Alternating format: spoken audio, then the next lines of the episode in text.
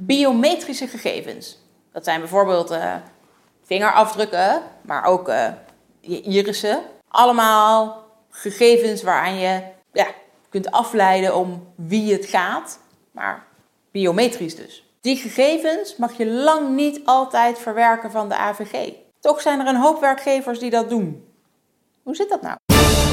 Charlotte, de social media jurist van Nederland. Schoenenwinkel Manfield maakte gebruik van vingerafdrukken, van vingerscans voor bijvoorbeeld kassasystemen en allerlei andere systemen. Onder meer om bijvoorbeeld fraude tegen te gaan. Maar de rechtbank Amsterdam zei daarvan dat dat niet mocht. Biometrische gegevens, zoals vingerafdrukken of uh, irissen of nou, dat soort zaken, mogen niet zomaar verwerkt worden van de AVG.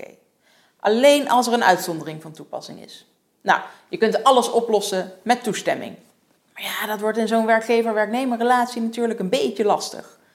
Je kunt die toestemming niet afdwingen. En als zo'n werknemer dan zegt, ja dag, ik ga mooi niet meewerken aan die vingerscan. Ja, ehm, hoe ga je het dan oplossen voor die persoon, waarbij je toch enigszins wil beveiligen dat hij misschien bepaalde ruimtes in kan, bij bepaalde systemen kan, dat soort zaken. Dan is je hele systeem gewoon naar de knoppen. Hartstikke dure aanschaf. Een andere uitzondering is dat het nodig is voor de authenticatie of voor beveiligingsdoeleinden. Werden er al eh, in de memorie van toelichting wat voorbeelden genoemd.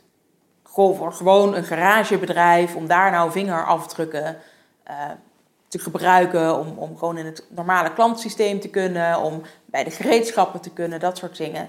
Dat gaat allemaal veel te ver. Maar als het nou gaat om iemand die echt bij persoonsgegevens moet kunnen en bepaalde gevoelige gegevens te zien zou moeten krijgen. Of bijvoorbeeld als het gaat, bijvoorbeeld gaat om een terrein waar maar heel weinig mensen op mogen komen. Of op een andere manier waar eigenlijk maar een heel select groepje bij mag.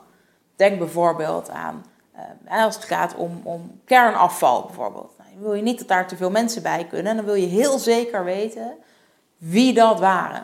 Dan is een pasje of een code misschien niet altijd genoeg, omdat je daar te makkelijk mee kunt wisselen. Dan zou zo'n biometrisch gegeven wel gebruikt mogen worden. Maar gaat het dus gewoon om de kassa, om te voorkomen dat er kasverschillen zijn, dat je weet wie dat dan geweest is. Als het gaat om de voorraad in het magazijn waar te veel mee gesjoemeld wordt. Als je eigenlijk gewoon je personeel niet vertrouwt, omdat ze allerlei dingetjes doen die niet mogen, dan mag je dat niet zomaar gebruiken. Het moet dus eigenlijk weer een goede belangenafweging zijn tussen het bedrijfsbelang en het privacybelang van die werknemers. Want als die gegevens er eenmaal zijn en ze zijn opgeslagen, of ze worden op wat voor manier dan ook gekoppeld aan zo'n persoon, en deze gegevens komen door een hack bijvoorbeeld op straat te liggen, dan is er natuurlijk wel een heel groot probleem. En hoe belangrijker en hoe gevoeliger die gegevens, hoe zorgvuldiger we daarmee om moeten gaan. En hoe minder snel we ze dus mogen verwerken, hoe sneller ze ook weer weggegooid moeten worden.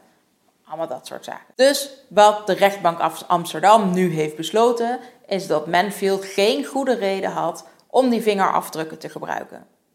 Zij gaven vooral fraude aan, bijvoorbeeld. Eh, en eh, de tijdsklok, dus hoe laat iemand binnenkwam, hoe laat iemand weer is weggegaan, als reden om het te kunnen gebruiken. Dat vond de rechtbank niet belangrijk genoeg om daar een vingerafdruk voor te gebruiken. Belangrijk is namelijk ook dat je bepaalt of er niet een ander systeem is waarmee je dit ook kunt realiseren. Manfield zei, ja, maar met codes en met pasjes, daarmee kan gesjoemeld worden. Dus dat helpt ons niet voldoende. Daarvan zei de rechter toch, ja, dat kunnen we misschien wel begrijpen, dat daarmee gesjoemeld kan worden. Maar dat is dan niet zo belangrijk dat je zo'n ernstige inbreuk op de privacy mag plegen door biometrische gegevens te gebruiken. Wat het gevolg van deze uitspraak is? Kijk, voor mij is het geen bijzondere uitspraak geweest. Dit wist ik eigenlijk al, want het staat zo in de wet. En was daar vrij duidelijk over. Tuurlijk zul je altijd grensgevallen hebben. Maar als je nu ergens anders werkt, waar ze ook dit gebruiken, ja, dan kun je misschien toch wel afdwingen dat dat systeem de deur uitgaat. En dat ze maar weer met pasjes gaan werken, met eh, personeelscodes die je in moet tikken of persoonlijke sleutels. Allerlei oplossingen die mogelijk zijn zonder biometrische gegevens. Wil jij nou weten of je als werkgever bepaalde gegevens van je werknemers wel op mag slaan, wel mag gebruiken, op welke manier je dit soort beveiligingszaken wel goed kunt regelen? Neem dan vooral even contact op.